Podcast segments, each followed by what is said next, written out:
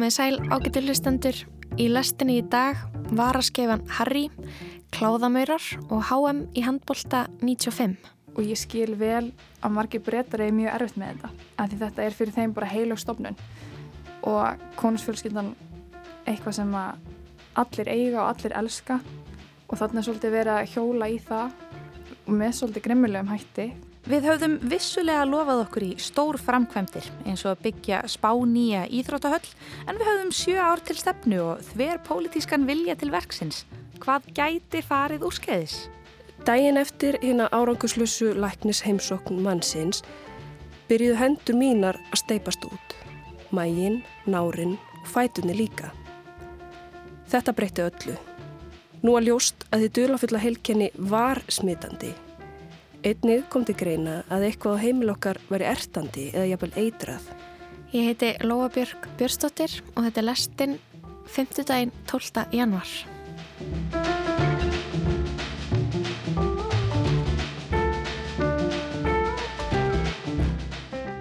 Við ætlum að byrja þátt dagsins á því að velta fyrir okkur bresku konungsfjölskyldinni og hjónunum Harry og Meghan. I've never seen a diamond in the flesh Þann 10. janúar kom út æfisa Harry Bretaprins, hertons af Sussex. Bókin nefnist Sper sem við getum þýtt sem varaskefa. Um meðan desember kom út heimildathættirnir Harry og Meghan á Netflix sem hafa fengið mikið áhorf og um nokkurt skeið er eins og önnur hver fyrirsök fjalli um þessi hjón en það er ekki allir jafn ánæðir með þessa miklu umfjöllun sem hjónin fá til að mynda þeir gallhörðu raugjalistar og stuðningsmann bresku konungsfjölskyldanar sem þykir framganga þeirra kannski heldur ósæmileg. We aren't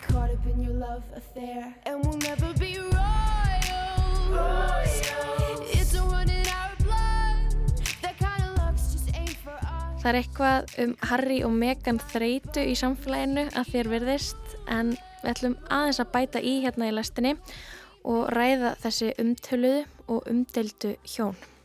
Hingað í lastina er komin laganeminn og fyrrum fjölmjölakona á vísi, Silvíja Hall, sem eru fylst náið með frettum og horst á Netflix þættina. Verður velkomin Silvíja. Takk fyrir. Hvað segir þú Silvíja? Hvað er það við Harry og Meghan sem að vekur áhugaðinn?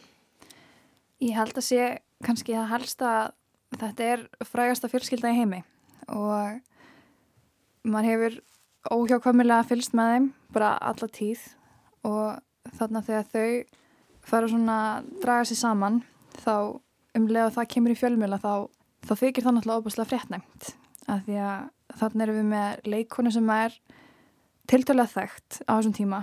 Og um, myndi kannski ekki segja að hún væri eitthvað rosalega fræg en hún var hann með hlautverki þáttum sem voru mjög vinsælir hann að súts og, og maður svona vissi hver hún var. Þannig að þegar hún er allir komin inn í þessa formföstu og rótgrónu fjölskyldu sem allir þekkja til þá var eiginlega ekkit annað hægt en að, að fylgja svolítið náðu með því. Það, mm. það var mjög áhugavert það var óvænt verði ég að segja.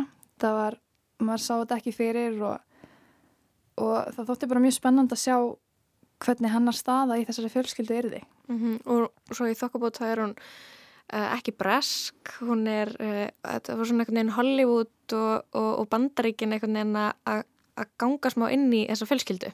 Já og einmitt, þetta er svona tveir ólíkir en fyrirferða miklir heimar mm -hmm. einhvern veginn að mætast og, og maður vissi að strax að hún svona, þótti ekki passin í formið, hún var fráskilinn, hún var frá bandaríkjónum og þekkt fyrir að leiki sjónvastáttum sem að svona þykir svona aðeins minna fítna en að vera kannski svona Hollywood leikona mm -hmm. og, og, og þokkabót þá er hún hálfsvört Já. sem að fólki fannst heldur ekki passa svona þessir hvað íhaldsumustu og kannski fólki þarna sem þjaka mikilvæg kynþáttahyggju. Já og maður fann það að þarna en þetta síndi sér svolítið þessi ótrúlega íhaldsemi sem að ríkir í kringum þessa fjölskyldu. Hún kom upp á yfirborðið Já og þannig að það var eiginlega ekkit annað hægt en að, að fylgjast vel með þessu því þarna var líka mjög svona ákveðin taktur í þessu. Mm. þú veist maður mannalega eftir að það, þau byrja saman og það kemur í fjölmila og svo trúláða sig og það er mikið gert úr því. Þau fara hann í viðtal á BBC og, og hérna svo náttúrulega er brúðköpi bara eins og brúðköpi í bræsku konungsfjölskyldinu eru því bara sjónvarpaða um allan heim og allir fylgjast með og, og svo kemur hann að sonur þeirra í heiminn þannig að þetta, var, þetta þótti mjög spennandi á þessum tíma. Mm -hmm. og margir tölu um það mann ég að þetta þótti svolítið svona ferskur andblær að sjá svona nútímalega konu stígan í þessa fjölskyldu sjá svolítið hvað er það úr því.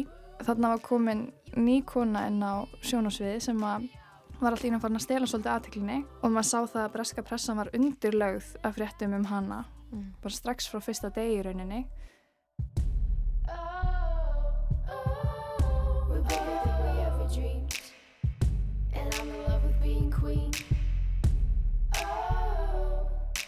I wonder what would have happened to us had we not got out when we did. Our security was being pulled. Everyone in the world knew where we were. I said, we need to get out of here. We are on og það svolítið vindur upp á sig og fljóðlega svona fyrir maður að sjá að hún er ekki alveg að falla í kramið hjá þeim.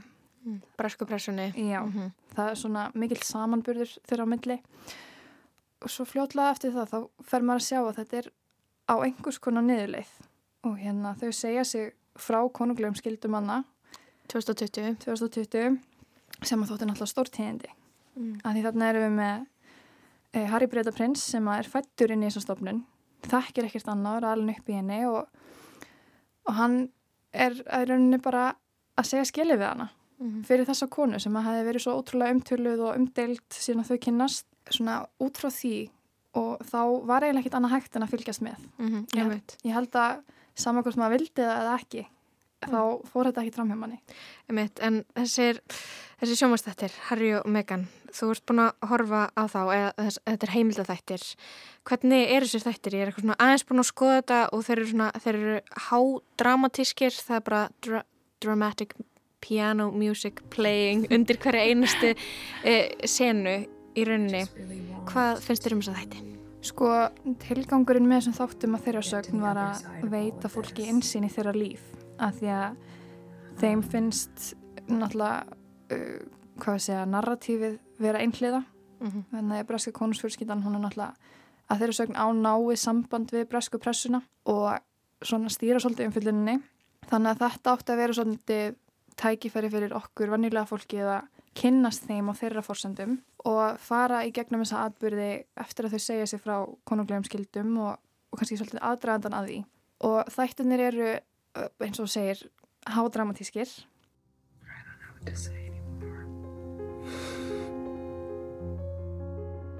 Is about duty and service and I feel as though being part of this family it is my duty to uncover this exploitation and bribery that happens within our media. Maður finnur það að það er, það er mikil svona, þetta er mjög sentimental.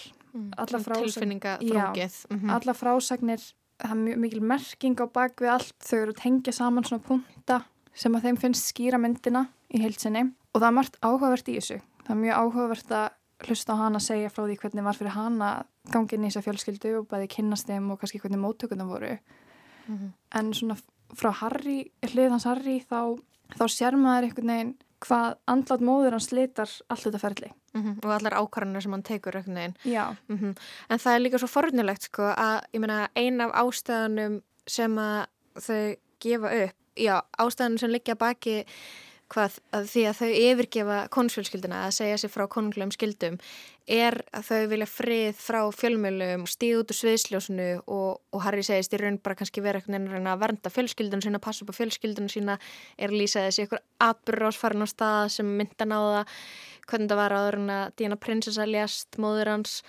Og svo eru þau búin að vera nokkurn veginn stanslust í fjölmjölum, í viðtölum, hjá ópru, í 60 mínútum uh, og svo um eitt gera þessa heimildathætti fyrir Netflix og svo að skrifa sjálfsæfisögu sína. Þannig að hann er einhvern veginn að gera þver öfugt við það sem að ég menna ég held að ég menna sæðist ætla sér einhvern veginn að árið 2020 Já og einmitt og honum er mjög tíðrætt um það að honum sé mikið mun að sagan endur takki sér ekki.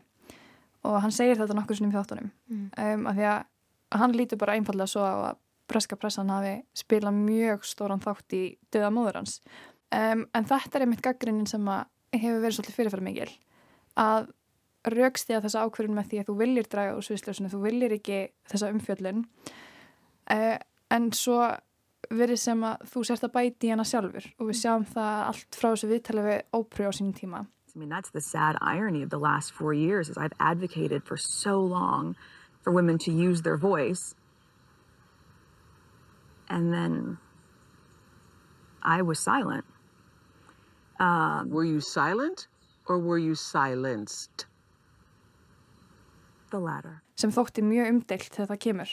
Þar eru þau að segja frá hlutum sem að þóttu kannski ekki viðend að segja frá og gáðu mm. svolítið svona full mikla einsinn mm -hmm. inn í konusfjölskylduna. Út af því að fólk vill ekki, þú veist, það er þessi leint sem ríkir um þessu fjölskyldu, fólk vill ekki vita of mikið, það, þau eiga að vera upp á okkur um stalli, þau eiga að vera ekki mannleg og ekki gera mistök, þannig að við viljum ekki heyra þessi sagði þetta og þessi hefði þessa forduma. En hann er ekkert neina að gera það mjög mikið, bæði þáttunum og svo í þessari bók, þá fer hann, þá er hann ótrúlega personlegur og deilir ekkert neina enga samtölum við fjölskyldumæðlefi. Mm -hmm. Og það er einmitt, sko, eins og segir að við viljum að þau sé ekki mannleg og það er líka, hefur gengið óbúslega vel.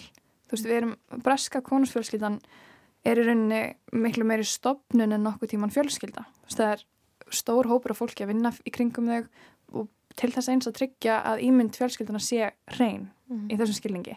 Að það sé engin óþægileg mál sem komu og þau stýra því hvað almenningur sér og hvað almenningur færa sjá Þannig að sonur nú kongsins sé að snúa svona gegn fjölskyldinni, það er að koma illa við sérstaklega marga breyta mm -hmm. af því að þetta er svo rótgróið í þjóðarsálinni. Um, hi, so we're here on uh, Tuesday, Wednesday, Wednesday the something of March. Um, we've just finished our two weeks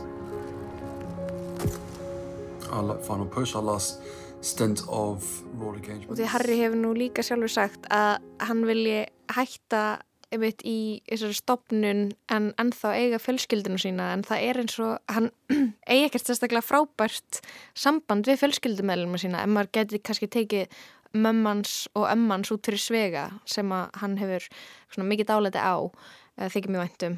Einmitt og maður hugsa sko hver leiðin að sáttum er þið út af því að nú er þetta búið að draga þetta svo rosalega fram í sviðsljósið mm -hmm. og að það almenningur mun veintalega gera þá kröfu að fá að fylgjast með ef einhverja vendingar verða mm -hmm. en maður fær ekki sé að það sé raunhafi möguleiki þegar kemur að bresku konusfjölskyldinni sem er svona óbúðslega prívat og það er ekkert sem fer út fyrir hanna sem þau vil ekki fara út og þannig er hann búin að setja fram hvað segja bara mjög stórar oft bara ásaganir í garð fjölskyldumælima og óþægilegar frásagnir sem að koma illa við fjölskylduna. Og það er mjög erfitt að sjá hvernig veginn, þetta ástand verði betra. Veist, það er mjög erfitt að sjá hvernig þau getur snúið tilbaka já, og allt verið gott aftur. Einmitt, að Harry og Meghan verði hluta á þessari fjölskyldu aftur. Að því að þau eru búin að byggja upp rosalegt veldi bara í kringum þetta. Við erum að tala um eins og Netflix-þættinir voru samningur upp á 100 miljónir bandaríkjadala sem að gengur út á það eitt að segja frá sinni hlið sem að fjölskyldan vill ekki heyrist. Þetta er náttúrulega bara sögulegur atbyrður í allum skilningi og maður hefur ekki séð svona áður nema kannski þegar uh, allt snerist um díunu og það var ekki beint á þessum skala. Þannig að þarna er maður sem er fættur inn í fjölskylduna að segja frá svörtustu leindamálunum sem átt aldrei að fréttast. Man fannst eins og svona sín tíma þegar þau ákveða að segja sig frá sínum skildum að það hefur kannski verið ykkur svona einhver svona kannski smá pólitísk afstæða í því. Við uh, viljum ekki taka þátt í þessari stopnun, uh, sérstaklega þú veist, framkoma fjölskyldunar í garð megan að það hún væri ekki alveg hvít eins og þau, að það væri vandamál, það voru bara svona einhver átjöndu aldar skoðanir sem að voru eitthvað neina komaðan upp á yfirborðið en ég menna en, en það er líka stopnun sem tilherir fórstíðinni maður svona veltegi fyrir sér sko með að við hvernig við verðast ætla svolítið svona að kannski að blóðmjölka alltaf þessa atbyrði og, og græða pening á því. Ef þetta hefði gengið öðru fyrir sig hjá þeim þá myndi Harry alveg vilja vera prins áfram og Megan alveg vilja vera í fjölskyldinni að þau eru kannski ekkert að búin að taka henni afstöðu gegn einhver konungsveldi sem slíku. Nei og maður fekk það tilfinninguna við að horfa að þætti að í upphafi hafi þau alveg vilja vera hluti af þessari stofnun. Og að Megan hafi í raunin alveg verið tilbúin til þess en maður hefur séð það í gegnum þessi viðtöl og, og þeirra frásagnir að að svona atbyrjur í kjölfarið hafi svolítið íttið mút að það hafi ekki verið stopnunin sem slík heldur viðmótið sem að þau mættu þarna. Mm -hmm. að það hafi orðið til að sögja sig frá þessu.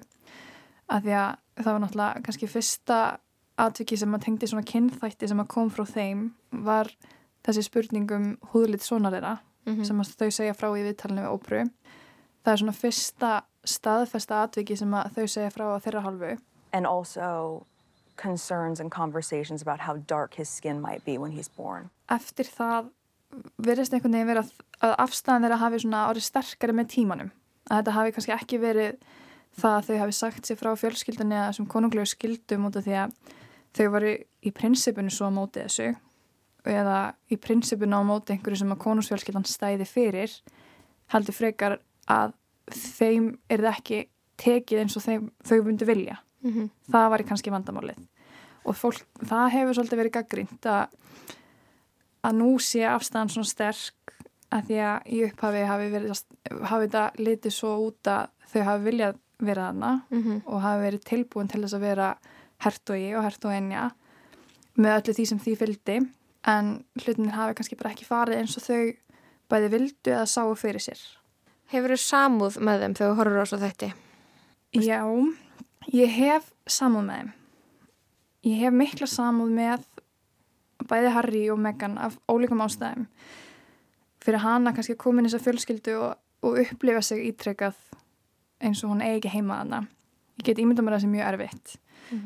Og sömulegis verðist andlatmóður Harrys skiljanlega setja mikið í honum.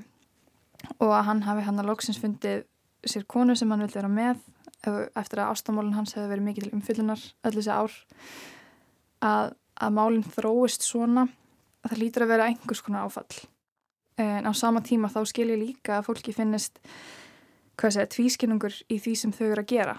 Og ég skil vel að margir breytar er mjög erfitt með þetta af því þetta er fyrir þeim bara heil og stopnun og konusfjölskyldan eitthvað sem að allir eiga og allir elska.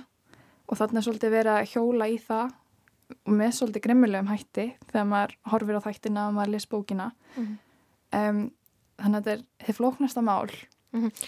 Já, ummitt, en það er, svo, það er áhugavert að þau upplöfa sér sem svo mikil fornalömp komandi úr fjölskyldu og hann, hún úr tengdafjölskyldu bara fyrir um nýlandu herra bara eh, sem að á okkur að stolna demanda og okkur og peninga og jarðir þau eru svo langt frá því að vera ykkur kúaður hópur í samfélaginu henni kvítur þarna konungborinn maður og, og, og, og leikona og mm -hmm. þau fullt af peningum og eru heimsfræg en við eigum að hafa ótrúlega mikla samúð með, með þeim. Já, þau, þeim er kannski ekkert svo mikil vorkun. Nei og ég skil, ég skil það mjög vel að fólki finnast þetta að skjóta skökku við um, að því það er, eins og segir, mikil hræstning í því að segja, alltaf segja sér frá þessari fjölskyldu til þess að forða sviðsljósið en gera svo í því að koma sér afturlangað og eins og segir, þú veist þetta er ekki fólk sem að áendur högg að sækja í samfélaginu. Saman hvert liti er þau aðganga öllum fjölumölum mm. og þau ein og sér eru mjög stór vörumerki. Sögulínan í þessum þáttum er hádramatísk og maður sér það ofta tíðum að, að það er mikið gert úr því að mála ákveðna mynd upp fyrir áhörundan að þau hafi verið mikil fórnalambi í þessu máli og maður kannski skilur það, þetta er náttúrulega ég held að það sé mjög erfitt að fara í stríð við bresku konusfjölskylduna en ég tek alveg undir það að það er mjög erfitt að líta á þau sem einhvers konar fórnalömp í þeim skilningi að, að þeim sé mikil vorkun almennt. Að því að við sjáum það á öllu þessu sem hefur komið fram síðustu mánuði að þau eru ekki á flæðiskeri stödd. Þau, þau eru velfærum að sjá um sig sjálf. Veist, það var eitt sérstaklega sem að svona kannski stingum mann er það að þeim hafi fundist vant upp á fjárhagslegan stuðning. Mm -hmm. Við mikið tala um öryggiskeslu og svo leiðis. Mm -hmm. Maður spyr sig á það rétt á sér þegar þú ert frægasta fólk í heimi. Þegar þú ert... Þú er að vera framfæri hins ofinbera í Breitlandi. Einmitt. Af því að úst, við breytum því ekki að þessu stofnun er til. Mm -hmm. Já, það er svolítið svona eins og að það, það væri það versta sem kæmi fyrir þau ef þau þurftu bara að fá sér svona lítinn golfbíl og bara e búa í rathús eitthvað. Já, og vera vennilegt fólk. Vera fólk sem er bara raunveruleiki flestra. Mm -hmm. Og ég er svona, og maður skilur afstöðu breyta í því að, að þessi stofnun er til og annarkort ertu hlutafinni eða ekki að því að þau borga fyrir hana. Ég meina þetta fólk er á framfæri Breska ríkisins að stórum hluta og ánáttúrulega mikla regnir að þegar einhver sem að fæðist inn í hana vill ekki gera það sem að fylgir þessu sem að mörgum þykir ekki mál og mörgum þykir eðlilega krafa til þeirra að þá er mjög skiljanlegt að almenningur finna ekki mikla saman með þér. Goodbye Norma Jean. No I never knew you at all. You had the grace to hold yourself. Það má alveg búast við að það verði áframfluttar frettir af, af þessum hjónum og kannski bráðum einhver, einhver viðbröð frá bresku konusfjölskyldinni svona við, já, bókinni hans Harry, Sper Já, maður, maður gerir á fyrir því. Þetta er nú þegar farnar að koma upp nokkru frettir og, og bókinn þykir óvenni persónuleg svona dómar hafa verið misjöfnir og BBC kallaði þetta lengsta fyllurís SMS sögunar um, það sem að marga frásannar eru full persónulegar full mikið af upplýsingum sem að kannski fólk gengur ekki út frá því að fá bara yfir höfuð myndi aldrei dætta sér í hug að þetta er því ofnbært. Það mætti kannski bara jæfnvel líta á þetta sem bara aukaefni með The Crown þáttunum á Netflix að við séum bara að fá mjög mikið af aukaefni. Já, í raun tíma. Mm -hmm. Takk hella fyrir komna í lestina, Silvíja Hall. Takk fyrir.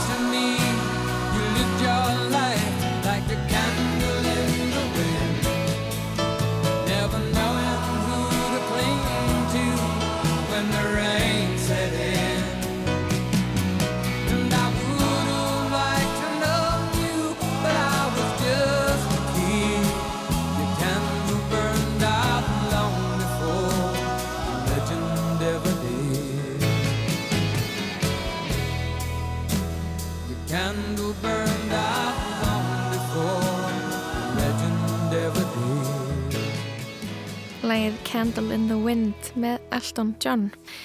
Við rættum við Silvíu Hall laganema og fyrir um bladamann Vísis vorum að ræða Harry og Meghan. En næst á mælindaskrá hér í lestinni er Brynja Hjalmstóttir Skáld sem rifir upp pláu sem hún komst í kynni við árið 2020.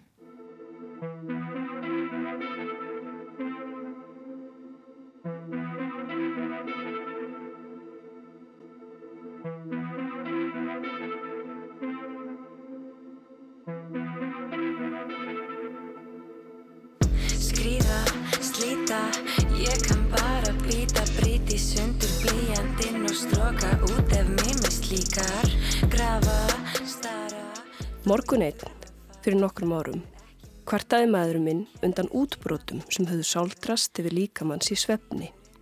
Útbrótin voru agnalítil og rauð, nánast ósynileg. Ég spurði hann hvort þetta væri ekki bara ofnæmi. Jú, það geti verið, sagðan, og tók ofnæmislif. Svo fór ég í vinnunum mína, sem er allstæðar, eins og týðkast nútildags. Hann varð eftir heima þar sem að vinnan hans er, hún er líka allstæðar. Eftir hádegi ringd hann og sagði að þetta væri að versna. Hann bað mig að aðtuga hvort ég væri smituð. Nei, ástu mín, ég er ekki með neitt. Þetta getur ekki verið smitandi, sagði ég. Hann fór á heilsugestluna eftir að ég kvart hann til þess. Samt þóttist ég vissum að þar fengi hann engin svör. Það er svo margt sem ásýr engin svör. Hann talaði við tvo lækna og einn hjúkunafræðing. Þær sögðu, við getum haft þið hérna hjá okkur í allan dag í rannsóknum og samt verið engunær. Þetta þekki ég vel. Að gera tilraunir, hvað eftir annað, rannsaka linnu löst, án þess að mjakast spönn frá rassi, til þess eins að fjarlægast lokatækmarkið. Ég vinn á hverjum degi í rannsóknarskinni í tilraun til að verða einhverju nær, tilraun til að rannsaka veröldina og sjálfa mig. Samt er ég engu nær og alltaf eru blaðsíðunar jafn tómar. Dægin eftir hérna áranguslusu læknis heimsókn mannsins byrjuðu hendur mínar að steipast út. Mægin, nárin og fætunni líka. Þetta breytti öllu. Nú að ljóst að því dulafulla heilkenni var smitandi Einnig kom til greina að eitthvað á heimil okkar væri ertandi eða jafnvel eitrað. Grunur kviknaði um að nú væri við hjúin á grafabakkanum. Maðurum minn var mjög hlindur þeirri kenningu. Morgunin eftir fór hann svo aftur á heilsugjæsluna þar sem hann var aftur skoðaður af kváandi læknum og hjúkunafræðingum. Þær veldu upp ýmsum kenningum áður hann að einn læknir tók af skarið. Hanna langaði að senda okkur í meðferð til að útiloka einn möguleika. Einn líklegan sökudólk.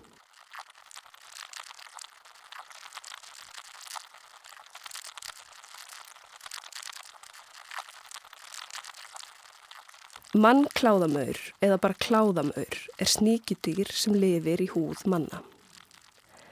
Hann er algeng pláa um alla veröld. Dýrið gefur frá sér vökva sem veldur ofnæmi, kláða og útbrótum. Kvendýrið grefur sig inn í húðina, myndar nokkura millimetra laung, hlikkjótt gaung og verpir þar eggjum sínum.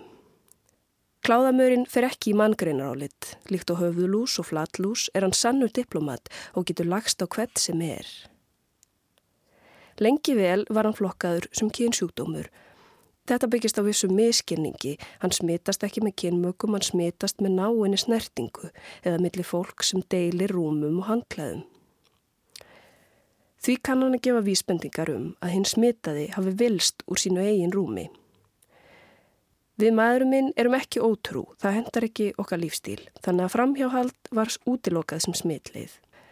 Ef þetta var kláðamöður sem herjaði á okkur, var líklegast að maðurinn hefði tekið sér bólstæði mér þegar ég var í Kraká í Pólandi en þar dvaldist ég um nokkurt skeið til að sinna starfi mínu sem listamæður eða einhver staðar á leiðin heim sem var laung og undarleg með viðkomu og skrítnum hótelum því að þetta var þegar heimurinn var undirlaður á pláu. Borgin Kraká er í nokkura kilometra fjarlæð frá borginni Osvítsem. Fyrir utan Osvítsem stendur það sem eftir er á Ásvits. Á melli Póllands og Íslands eru 2500 kilometrar. Það er ekki lengur en það. Frá landamærum Úkrænu að Kraká eru 250 kilometrar. Það er nokkru dag að ganga. Á vefsíðu Livju Apotex má finna þessar haganlega ortu upplýsingar. Aðal óþægendin eru kláði sem er verstur á nóttunni og getur oft haldið vöku fyrir sjúklingunum, heilu og hálfu nætunar.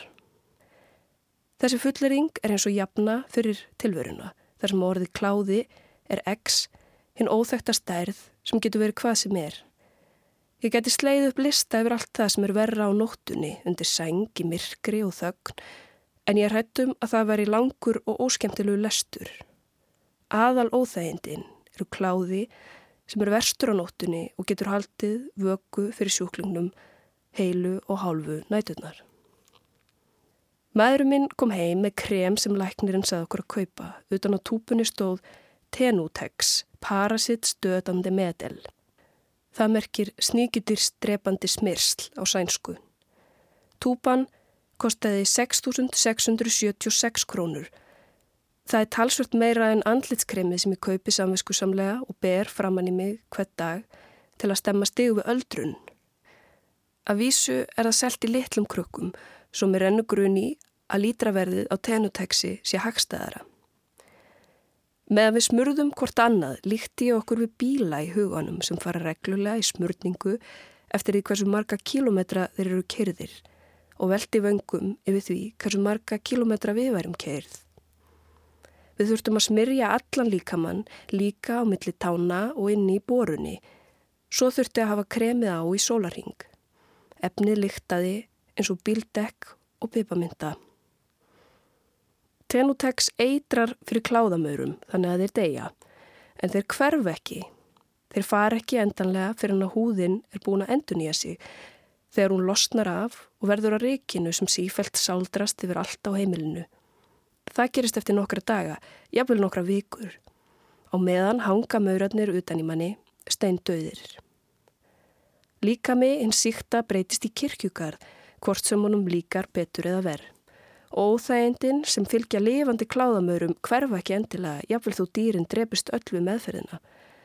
Lík þeirra geta haldið áfram að erta húðina, rauðu útbrottin, byrja ekki að dopna fyrir neftir nokkra daga og kláðin getur hrjáð fólk nokkra vikur eftir meðferð. Þess vegna er ekki alltaf gott að segja hvort meðferðin hafi búrið árangur. Þannig er málunum háttað með ýmsar meðferðir. Enkennin halda áfram samt er ekkit að. Einhver segir okkur að við séum læknuð en samt finnum við til. Svo er það hreinsunastarfið. Hinn síkti þarf að taka til eins og óð manneskja setja allt í þvott, þurka völlu, skipta um rúminu, skipta svo aftur og svo aftur, döðrensa, hurðarhúna, handrið, fjárstýringar, ljósarofa, liklaborð við eldavílanappa, stólbög og arma, allt sem er handleikið og snert. Venna tímasetningar þessa atviks sem var haustið 2020 er freistandi að líka þessum aðförum við þær miklu reynsanir sem fylgdi COVID-19 faraldrinum. Faraldurinn var kallaður fordamalaus og faraldurstímanir fordamalausir tímar. Þetta var auðvitað reygin miskilningur, faraldurinn var raunar dæmigerður og flestuleiti. Hann fór grimmustum höndum um hennar veiku og smáðu þá sem minnst mega sín. Margir mistu allt en aðrir kom stálsleiknir undar öllu saman, sterkari en nokkru sinni eftir góða kvild. Strax dægin eftir tenútex meðferðina byrjuðu einkennin að dopna Rauðu útbrotinn máðust út og hurfu. Það var mikill lettir. En þrátt fyrir allt, þrátt fyrir allar okkar raunir, þrátt fyrir að hafa gælt allt rétt, snúið íbúðin á kvolf, sleið öll á frest, gengið um heilan sólaring í ómerkilegum lörfum, hjúpu, dauðasmyrslinu, þá kom hann aftur. Eða kannski fór hann aldrei alveg. Glíman við þennan ósynilega óvinn var okkur ofviða, hann sá við okkur og maurinn var í hemdar hug. Í þetta sinn voru útbrotinn útbreytari og sveið undan. Svo við endur tókum leikin í þetta sinn af enn meira offorsi, ekkert slapp, allt var þvegið, skrúpað, læst ofan í svörtum plastpoka, döðhreinsað. Ég þóttist vissum að ástandið væri komið til að vera. En svo tókuðu að hörfa, einkennin. Loks hurfuðu alveg. Síðan eru liðin nokkur ár og við erum frjáls undan óvættinum enn sem komið er. En hvort við verðum nokkur tíman frjáls undan óttanum skal ég ekki segja. I can't stand the rain against my window Bringing back sweet memories Yeah, when the rain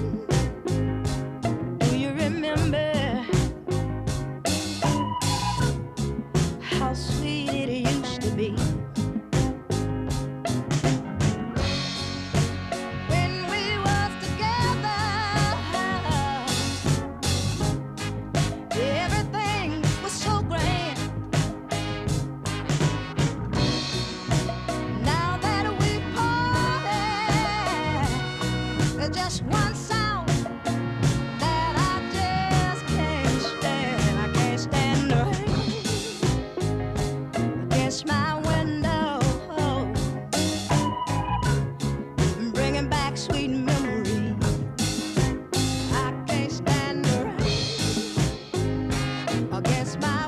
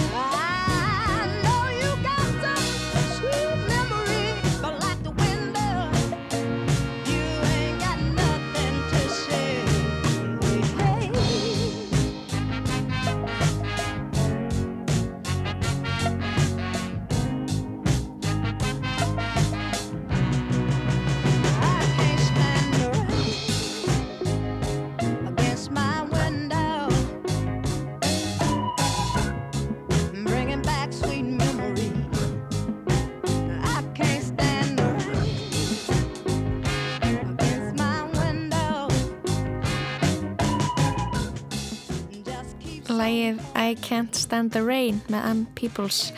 Brynja Hjalmstóttir flutti þar á undan pistilum mannkláðamör, algenga pláu um alla veröld. En við ætlum næsta heyra, fyrsta þátt í örseríunni þegar Ísland hjælt stormót sem var flutt hérna í lestinni í, í janúar 2020. Þá rifjuðu Anna Marsebill Klausen og Kristján Guðvansson upp sögu HM á Íslandi árið 1995. Komið sæl og velkomin á einn verkasta viðburð í íslenskri íþróttasögu 14. heimsmeistaramótið í and gentlemen, stemmingin er ótrúlega hérna lögðarsleikina. Já, ég er svolítið að tralla. Men við bara býða eftir að ná að byrja. Jag tar inte så allvarligt. Ég held að þetta sé nú bara sæmlega frjálslegt með að vera hinsmestarkeppni. Mér kannski persónulega gett ákveldlega en liðum ekki. Var ett, ett namn här på Ísland, Taxi. Sjáu þetta, sjáu þetta. Ég veit að ég liði getur meira. Og íslenska liði keirir hér þetta, sjáu þetta.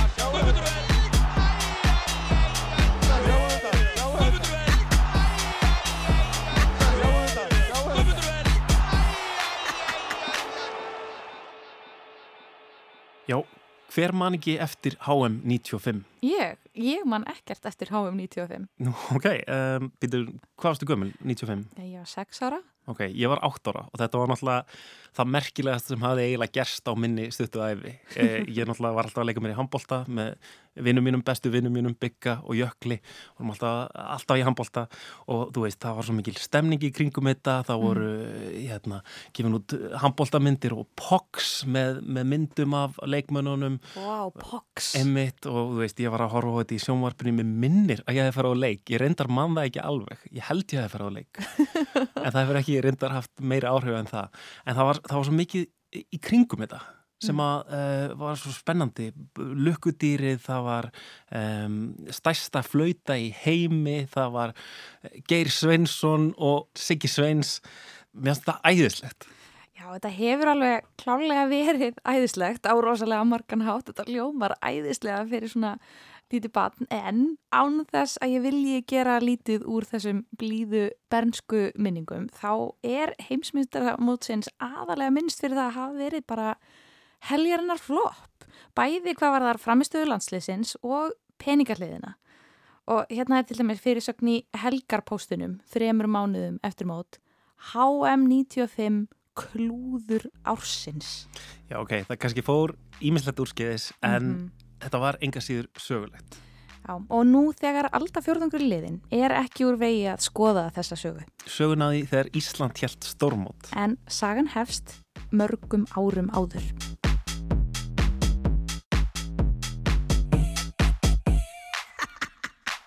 Það byrjaði 1986 á þingi alþjóðsambatsins í Senegal að þá lögðum við fram tillögu íslingar um gjörbreytt fyrirkonlega á heimsmyndarkeppnum að í staðin fyrir að hafa þess að svo kvölda A, B og C keppnir þá lögðum við til að það erði bara ein A-keppni á tveggjára fresti og það erði minnst tvær þjóðir frá hverju heimsálfu og eitt það sem alþjóðsambandið sagði þá það mun engi vilja halda keppni með 24 þjóðum. Og þá hugsaðum við, jaha. Þetta er Jón Hjaltalín Magnússon. Hann leik lengst af með Viking en kefti um 50 landsleiki á 7. og 8. áratögnum. Átti meðal annars fjögur mörg í fyrsta sigri Íslands gegn Danmörku árið 1968. Hann var formaður handknalleg sambands Íslands frá 1984 til 1992 og það var hann sem átti veg og vanda að því að Íslendingar urðu gestgjafar á HM. Markmiðið var þrýþætt að hans sögn að koma á heimsmeistaramóti með 24 þjóðum í stað 16, að þrýsta á stopnun Evrópusambands í handknalleg og álfukeppni og svo að kynna land og þjóð fyrir erlendum áhörundum í gegnum þá miklu þjóðar íþrótt handbóltan. Jú og svo var mótið þetta til þess fallið að auka áhuga ungmenna eins og Kristjáns á íþróttinni. Þannig að þetta byrjaði á þennan hátt og og svo þegar við komum heim frá þessu þingi þá fórum við að kanna þetta betur hjá ríkistóttinu og vorum mjög hefnir að hérna í ríkistóttinu voru miklu áhuga mennum handbólta eins og Mattias og Mattisen utanrikiðsáþurra og, og við bara skeipuðum nefnd. Og þá var bara einn maður frá hverju stjórnmálflokki tíu mann nefnd og allir gríðilega áhuga samir um þetta og, og ákveði var að stefna því að halda keppna á Íslandi ára 1993 en formaður tækninemndar alþjóðsambassins sem, sem var Svíi Kurtu Atmark hann kom með þá tillugu að, þjóð sem ætla að halda heimstöðarkefni þurfti að hafa íþróttahöll sem tæki minnst 5.000 manns. Því að Svíi voru að byggja glópin sem átt að taka 20.000 manns. Þannig að það átt að slá okkur út teknilega séð. Og þá var góð ráð dýr, auðvitað vissu við þá að lögatsvallin var úr lítil, hún var 30 ára gömbul og, og svæði í kringum hana er allt og lítið eins og framhefur komið núna undafarið að hún er bara orðin ólögleg og sjálfsög var hann ólögleg þá líka þó ekki verið gert jafn mikið úr því.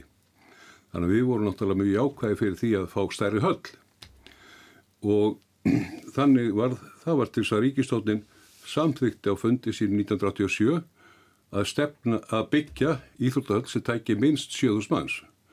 Það var gerður það mjög glæsilegu bæklingur með fórsetta Íslands og, vendabaróðir og utvengisáðir og, og fleirum og mér sjálfur náttúrulega þar sem var lísti yfir að við ætlaðum að byggja svona stórt hús og við gætum alveg haldið getna, við vorum náttúrulega nýbúin að halda þarna fundið millir Ekars og Gorbási 1986 þar sem var sjónvarpbóðum allan heim. Vorum að klára að byggja leifstöð þannig að allt var hérna leitt mjög vel út.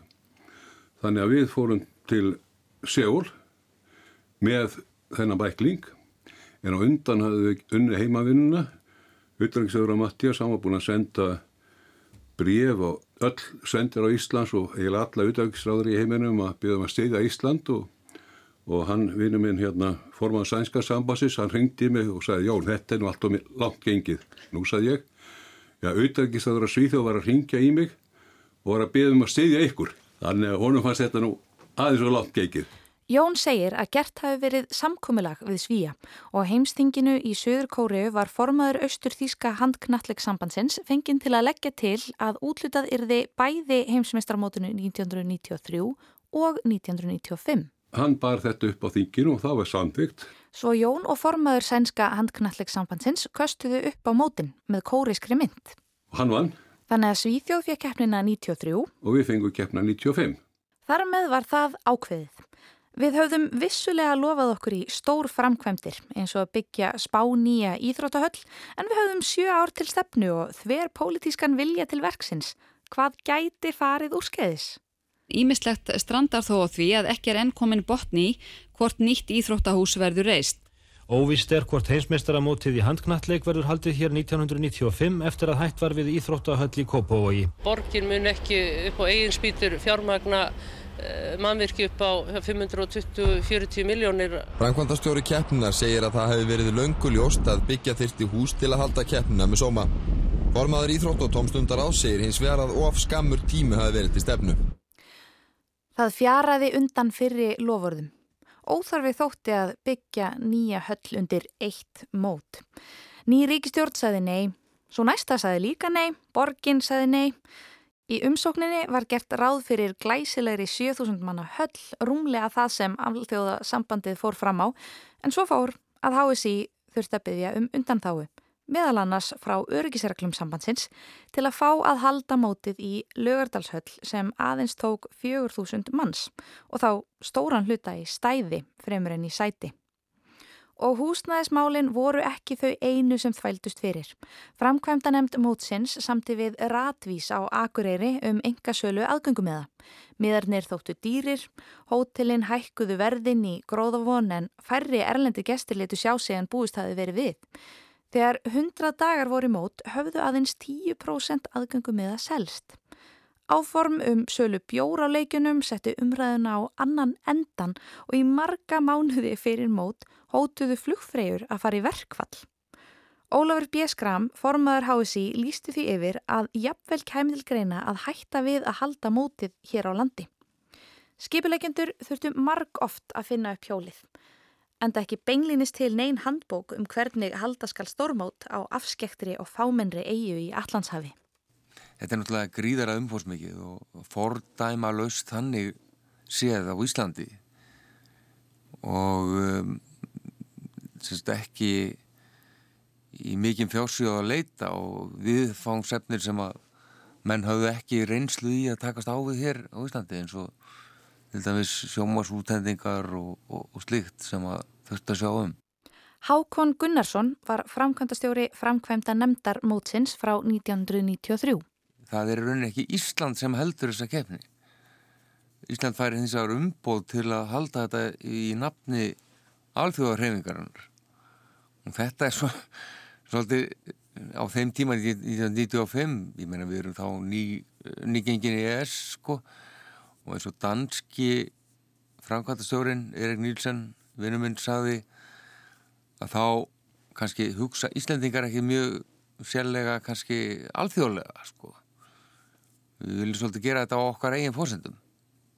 Það var eh, kannski eftir á að hyggja stærsta viðhórsendið svona við þorfum hérna heima var kannski daldi í þá veru að við látum ekki útending að segja okkur fyrir verkum. Að þetta var erfið umræð, hún var mjög erfið, þetta var, þetta var ekki einfalt sko. Mm. Og handkvæmdisambandi var orðin holdgerfingur, einhverjar svona heimtufregju og annað sem að ætti að vera sjálfsagt máli í, í raunni sko. Stærsta vandamálið sem nefndin stóð frammi fyrir voru samningar um sjónvarpsútsendingar. Það var aðeins við einn aðila að semja, ríkisjónvarpið, og því þurft að borga fyrir verkið. Í samningnum sem hljóðar upp á tæpar 46 miljónir króna fælst meðal annars að ríkisútvarpið sér um að senda sjónvarsmerki frá öllum leikjum keppninar og sjáum aðra þjónustu við útvarsl og sjónvarstöðvar sem hafa rétt til útsendinga frá mótinu. Þetta er öruglega stærsti samningur sem að Ríkisúttöpið hefur gert af þessu tægi, þá, til leikur ekki nokkur vafi. Hér höfum við nokkra mánuði til undirbúnings og ég held að þeir verði nýttir vel til þess að undirbúa þetta eins vel eins og hægt er.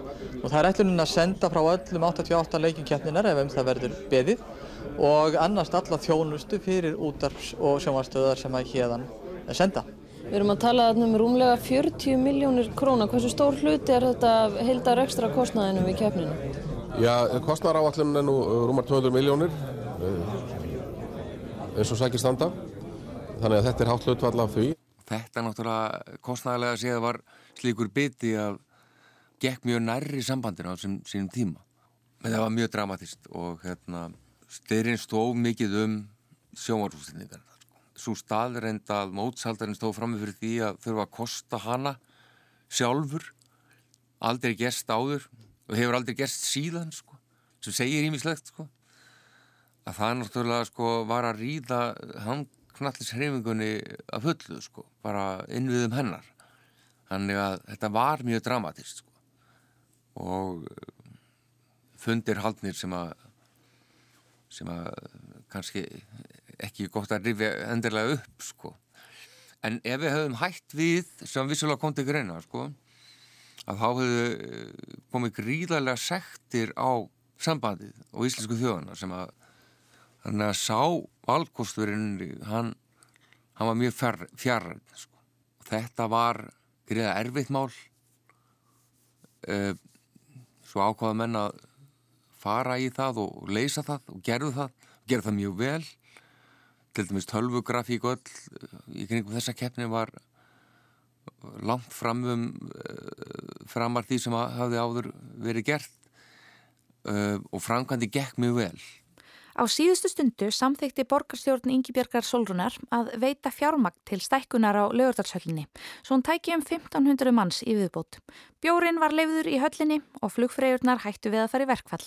Mótið hefnaðist að mati Hákons príðilega og svo sannarlega betur en áhorðist um tíma. Það er það sem að kannski teku best, mest eftir sko. Og frá sér sko. Og var okkur til mikil sóma. Þetta var reyndar keppnin sem að kom uh, Fraklandi á heimskortið í handbólta fyrsta skiptir sem þeir eruðu heimsmyndarar og svo magnaði leikmaður Jackson Richardson sem að breytti á margarnátt á ásindi handbóltans hann kom fram hér. Þannig að keppnin handbóltalega séð var mjög söguleg og, og, og skemmtileg og, og lifir í minningunum. Ég er enna að hitta fólk sem að þar sem þetta er dátið dreyið fram og ég er mjög stoltur af því As I walk through the valley of the shadow of death, I take a look at my life and realize there's nothing left. Cause I've been blasting and laughing so long that even my mama thinks that my mind is gone. But I ain't never crossed a man that didn't deserve it. Me be treated like a punk, you know that's unheard of. You better watch how you're talking and where you're walking, or you and your homies might be lying in chalk. I really hate the trip, but I gotta low. As they croak, I see myself in the pistol smoke.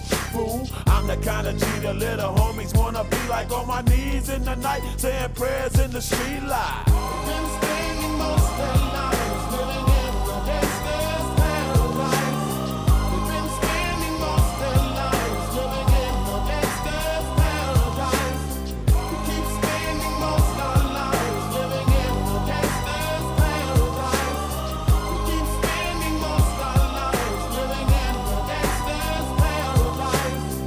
situation they got me facing.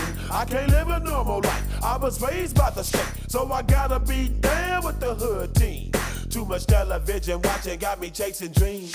I'm an educated fool with money on my mind. Got my tin in my hand and a gleam in my eye. I'm a low out gangster, set tripping banker. And my homies is down, so don't arouse my anger. Fool, death ain't nothing but a heartbeat away. I'm living life, do or die. What can I say? I'm 23 now, but will I live to see 24? The way things is going, I don't know.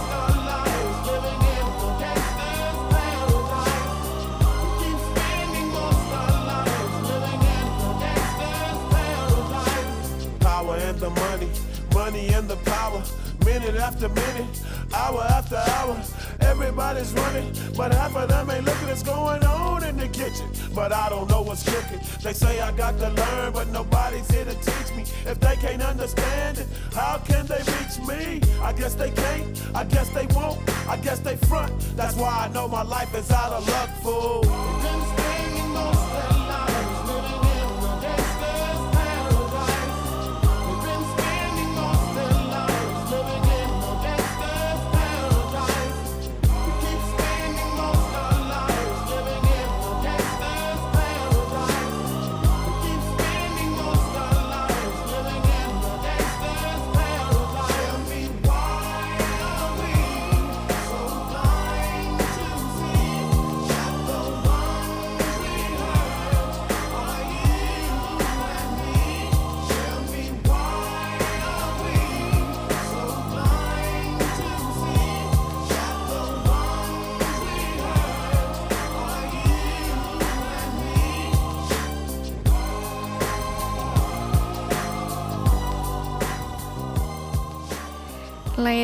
Gangsters Paradise með Coolio. Þannig heyrðum við fyrsta þátt örseríunar þegar Ísland hjælt stormót frá árnu 2020. Þar var rifjað upp sögu HM og Íslandi 1995. En í minni þjóðarinnar gekk mótið ekki vel og það var farið yfir það í næstu þáttum seríunar. Svona fjallaðum slagt gengi íslenska landsliðsins 90's stemminguna á þessum tíma og svo bara umgjörðuna alla. En við erum komin að endastu hérna í lestin í dag og þessa vikuna. Við verum hérna næsta dagskrá á sama tíma á mánudag. Ég heiti Lóa Björk og þakka samfélgina í dag. Tæknumöður var Jóhanna Varsjóka. Verðið sæl.